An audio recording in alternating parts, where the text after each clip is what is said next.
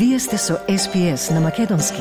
Слушнете повеќе прилози на sps.com.au козацрта на Седонин. Во денешниот билтен, Викторија се подготвува за повеќе поплави. Нов предлог закон ќе им даде на вработените поголема моќ да барат флексибилно работно време. Во Скопје е подпишан Фронтекс, првиот договор со Европската Унија на чист македонски јазик и најмалку 13 лица загинаа, а уште 40 беа повредени вчера во напад на шиитско свето место во Иран. На СПС на Македонски следуваат вестите за 27 октомври 2022. Јас сум Ана Коталеска.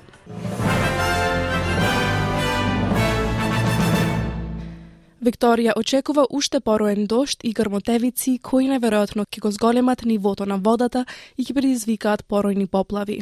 Источниот дел на Мелбурн беше под влијание на силен дожд вчера, а во преградието Лиридел наврна 40 мм врнежи за 30 минути. Градот е чука во близина на границата со Нов Ижен Велс, кој беше тешко погоден од поплави овој месец и понатаму е во состојба на висока подготвеност и под наредба за евакуација. Градовите Моама, Торнбери, Барум исто така се соочуваат со големи поплави. Инфлацијата се искачи на 7,3 од 100 на годишно ниво во септемврескиот квартал, бидејќи тешкотиите во синџерот на снабдување, високите цени на енергијата и скапиот превоз продолжуваат да ги зголемуваат трошоците за живот. Тоа е највисоката годишна стапка во последните 30 години. Според податоците на Националниот завод за статистика, инфлацијата во последното тромесечие достигна 1,8 од 100.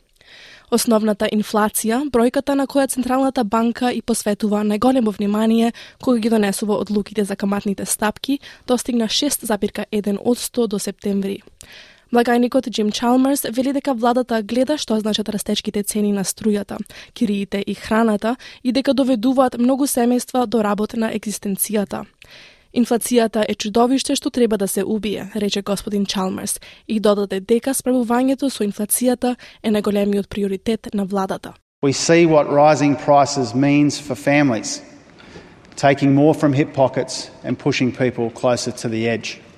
And whether it's food, whether it's electricity, whether it's rent, inflation is public enemy number one. Inflation is the dragon we need to slay. Трошоците за гадежиштвото и недостигот на работна сила го потикнаа зголемувањето на стапката во септември, а последните поплави се очекува да ја задржат инфлацијата околу тој врв подолго време. Министерството за финансии очекува поплавите во Тасманија, Нов Ижен Велс и Викторија да ги зголемат цените на овошјето и зеленчукот за 8 во следните две тромесечија. Благајникот Джим Чалмерс изјави дека е загрижен дека некои производители би може да се затворат за неколку месеци, бидејќи зголемените цени на енергијата вршат притисок врз австралиската индустрија.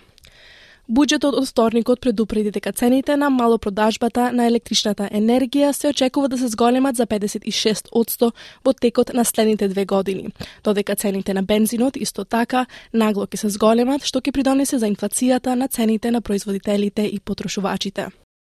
Новите закони на работни места ќе им дадат на вработените поголема моќ да бараат флексибилно работно време.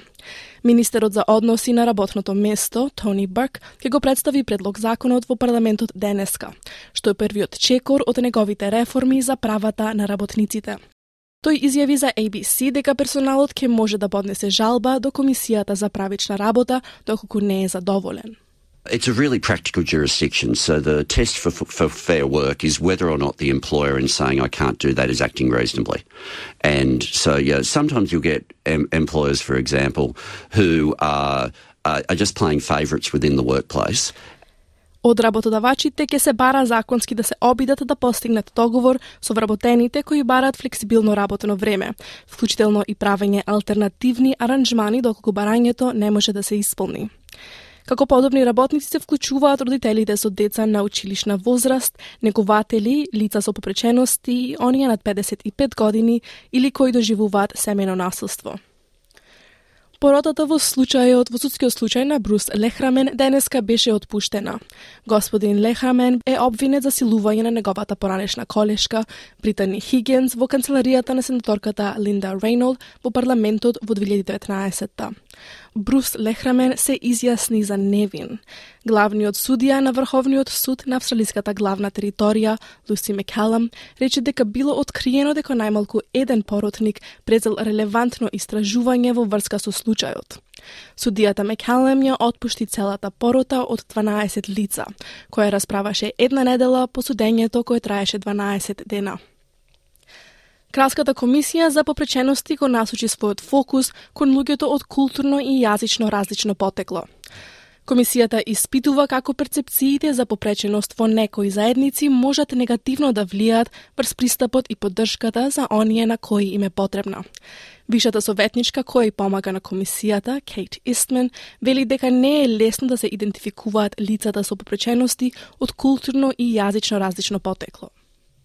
The sources either do not collect cold status indicators for people with disability, or when they do collect this information, it is not done in a systematic way and it undermines accuracy. Застапниците велат дека подобрувањето на начинот на кој се собираат податоците може да помогне да се решат некои од проблемите со кои се соочуваат овие заедници. Комисијата исто така ќе испита како стигмата за попречености во некои заедници може да доведе до изолација, па дури и да придонесе кон недостаток на поддршка за децата со попречености во овие заедници. Во свечената сала на владата е подпишан така наречениот договор за Фронтекс, првиот ваков договор помеѓу Европската комисија и Македонија на македонски јазик, во присуство на премиерот Димитар Ковачевски и председателката на Европската комисија Урсула фон дер Лајен. Договорот Frontex на оперативно ниво ќе овозможи подобра заштита на границите, брзо распоредување на персоналот и опрема на Frontex или на странски полициски службеници на критични точки на границите. А во случај на ненадејно и брзо влошување на состојбата, се обезбедуваат можности за сигурна и континуирана размена на информации и податоци. Премиерот Димитар Ковачевски на заедничката пресконференција со председателката на Европската комисија рече дека ова е голем ден за Македонија и за македонскиот народ. Ветување кое, како што вели, го дал и го исполнил. Овој договор го подпишавме на македонски јазик. Нема какви било додавки, нема никакви звездички. Тоа е првиот договор кој Северна Македонија го подпишува со Европската Унија на кој стои чист македонски јазик заедно со сите други јазици во Европската Унија. Најмалку 13 лица загина, а уште 40 беа повредени вчера во напад на шиитско свето место во Иран. Нападот се случи додека демонстрантите на друга локација во Иран одбележуваа 40 дена од смртта на Махса Амини во притвор, што ги потикна најголемите антивладни демонстрации во повеќе од една деценија. Иако нападите се одговорни за зголемени тензии во земјата, се верува дека нападот не бил поврзан со протестите, одговорноста веќе ја презеде исламската држава. Државните медиуми за нападот ги обвинија сунитските муслимани, за кои велат дека може би биле странски државјани, на кои во минатото цел им беше шиитското мнозинство во земјата. Иако најнапред беше објавено дека имало тројца напаѓачи, официјалните лица сега велат дека само еден вооружен маж бил присутен и дека тој пукал кон полицајци и чувари. Вооружениот напаѓач е уапсен. Еден од жртвите кој зборуваше за нападот од болнички кревет рече дека кошумите ја погодиле неговата рака и нога и грбот на неговата жена. I went to the mosque with my children. I heard sounds of gunfire after we prayed. We went to a room next to the shrine. This lowlife came and fired a barrage of shots. Then it hit my arm and my leg. It hit my wife's back. But thank God my child was not hit. He is seven years old. God punish him. Австралиски војници ќе бидат испратени во Обединетото кралство за да помогнат во обуката на украински војници. Сојузната влада нагласува дека до 70 припадници на австралиските одбранбени сили кои ќе патуваат за Обединетото кралство нема да влезат на украинска територија. Заменик премиерот и министер за одбрана Ричард Малс изјави за ABC дека ова е дел од тековниот пакет за поддршка што Австралија и го доставува на Украина. Uh, Ukraine needs to now be supported over the longer term if we're going to put Ukraine in a position where it can resolve this conflict on its own terms. And so this charge is very much focused on that, both in terms of making sure that we are helping in a UK led initiative in respect of training and um, also extending the, the, the line of Bushmasters that we will be providing to Ukraine. Персоналот треба да отпатува за Обединетото кралство во јануари. Сокаруз објавија сообштение во кое бараат декриминализација на истополовите бракови и подобрување на правата на работниците во Катар. 16 играчи објавија колективна видеопорака во која изразија загриженост за човековите права во оваа земја од Блискиот Исток пред светското првенство следниот месец. Истополовите бракови се забранети во Катар, додека неколку работници и мигранти загина градејќи инфраструктура за турнирот. Чувствата беа поддржани од управното тело на Футбал Австралија, кој истакна дека владата на Катар започнала да спроведува реформи во полза на правата на работниците.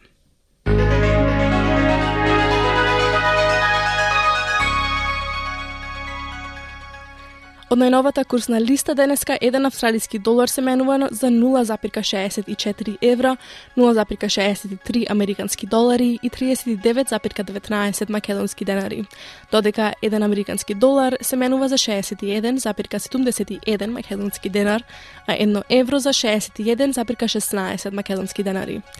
И на кратко временската прогноза за главните градови за утре, петок 28 октомври.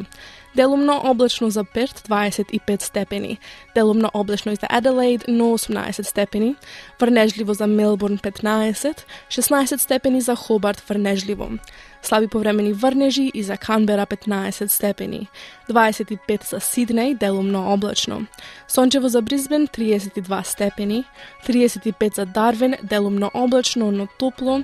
И 34 за Алис Спрингс делумно облачно.